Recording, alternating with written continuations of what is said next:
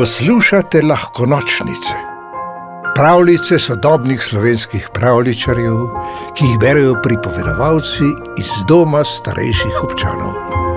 Kralj, ki se je delal gluhega. Filip je bil preodaren in milosten, le nekoliko svoje glav kralj. Bil je že v letih, še vedno pa zdrav kot dren, ter močan in okreten, da je na turnirjih kot za šalo premagoval mlajše viteze in največje junake kraljestva. Le slišal je vedno slabše. Gluh postajam, se je opravičeval, kadar je kaj preslišal.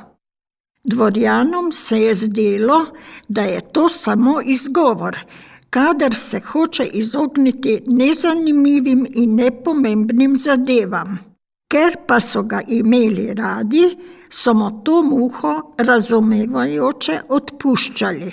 Vse manj razumevajoči pa so postajali, ker je Filip vsak dan zamujal na dopoldanske posvete. Prestolni dvorani je bil edini stol kraljev prestol.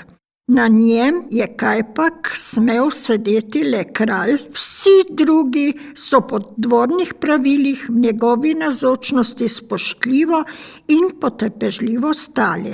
Vse lepo in prav, toda ob čakanju jih je potrpežljivost minevala. Godrnjali so in se prestopali z noge na nogo, kajti imenitni lepi čevlji so bili neudobni. Žulili so jih in tiščali.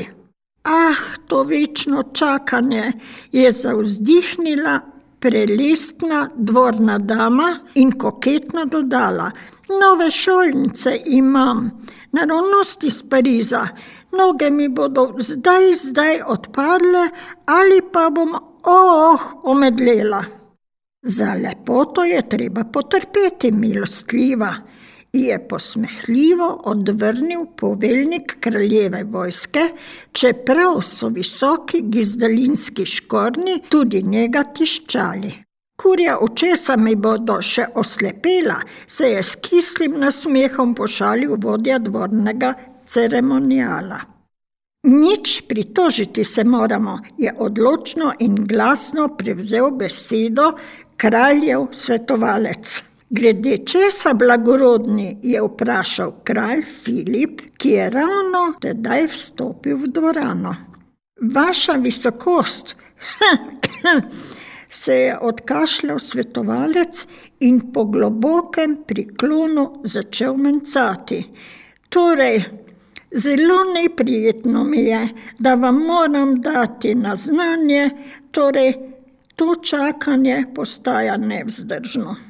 Iz dna duše obžalujem, da zamujam, je priznal kralj, sedel na prestol in po premisleku nadaljeval. Težava je ta moja naglušnost. Ah, ja, budilke sploh ne slišim več.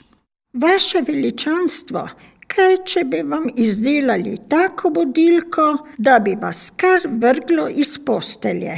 Se je mimo vseh odličnikov oglasil dvorni norček in da bi umilil svojo predrznost, naredil tri prevale in salto. Vsi zbrani so se morali zasmejati, a kralj je ostal resen. Norčkova zamisel se mu je zdela pametna.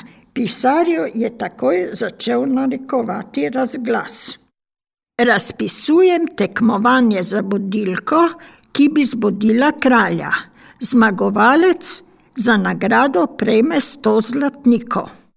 Potem je bil posvet končan. Dvorjani so se razšli po svojih sobanah, kjer so si razbolele noge, hiteli namakati v lavorje s toplo vodo.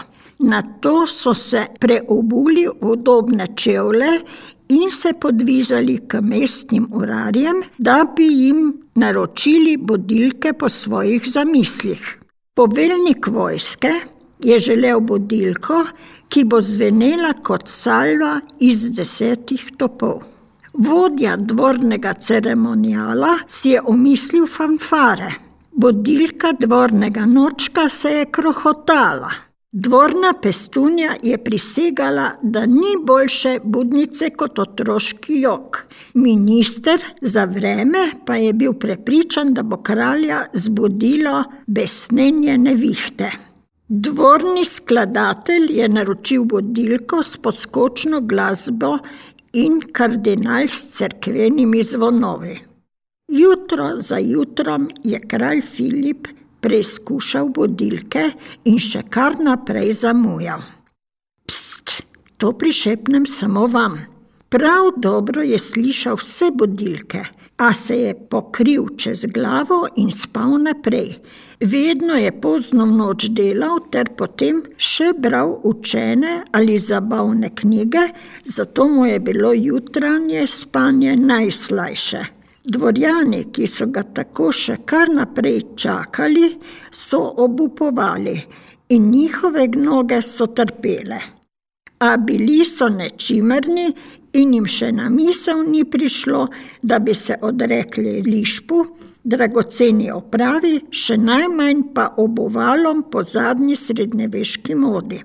Nekega dne si je kraljev prvi svetovalec po sprejemu, kar v grajskem parku se zučevle, bo stopil v žametno mehko travo in od olajšanja blaženo zavzdihnil. Takrat je k njemu plašno pristopil deček, ki je služil kraljevi konjušnici. Želel si je postati oproda kateremu od vitezov, a doslej je samo kidal staje, čistil konje in loščil sedla. Velecenjeni gospod, se je ponižno priklonil, bi smel tudi jaz poskusiti z budilko za kralja. Ti se je namrdnil visoki dvorjan. Potem se je zazrl v fantove bistre oči in pomislil, da velja poskusiti. Razvezal je mošnjo z zlatniki in dečka vprašal, koliko bo stala njegova budilka. Nič se je ta zasmejal, samo zjutraj, ko bi moral kralj vstati, me odpeljite do njegovih vrat in mi jih zapet odprite. In to se je zgodilo takoj prihodnje jutro. Deček je skozi očkrnjena vrata v kraljevo spalnico pomolil dlan z majhno skrinjico in iz nje je nekaj brenče izletelo. Na to je zaprl vrata in prvemu svetovalcu zarotniško pomežiknil. Že čez nekaj trenutkov se je zaslišal zvonček, s katerim je kralj k sebi klical služabnike, a še preden so prehiteli, je v spalnico stopil prvi svetovalec. Kralj se je praskal in otepal obadov, ki jih je bil deček nalovil pri konjih jih zaprl skrinjico in nekaj dni stradal. Požrešno so napadli spečega kralja, zbudili so ga že s srditim brenčanjem, spiki pa so ga kar vrgli iz postelje. Filip je moral priznati, da njegov sluh še ni tako opešal, nisi namreč več želel pikajoče budilke, vstajati je začel kar običajni. Iznadljivemu dečku je z veseljem izročil sto zlatnikov in ga za nameček še povišal viteza. Sladkemu jutranjemu spanju pa se vendarle ni odrekel. Sprejeme je prestavil na popoldanski čas.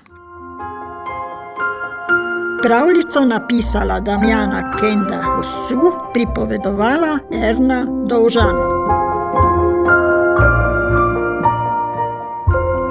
V deželo princesk, zmajev, gozdnih vil in ostalih čarobnih biti ste vabljeni na lahko nočnice, pika si, pa lahko noč.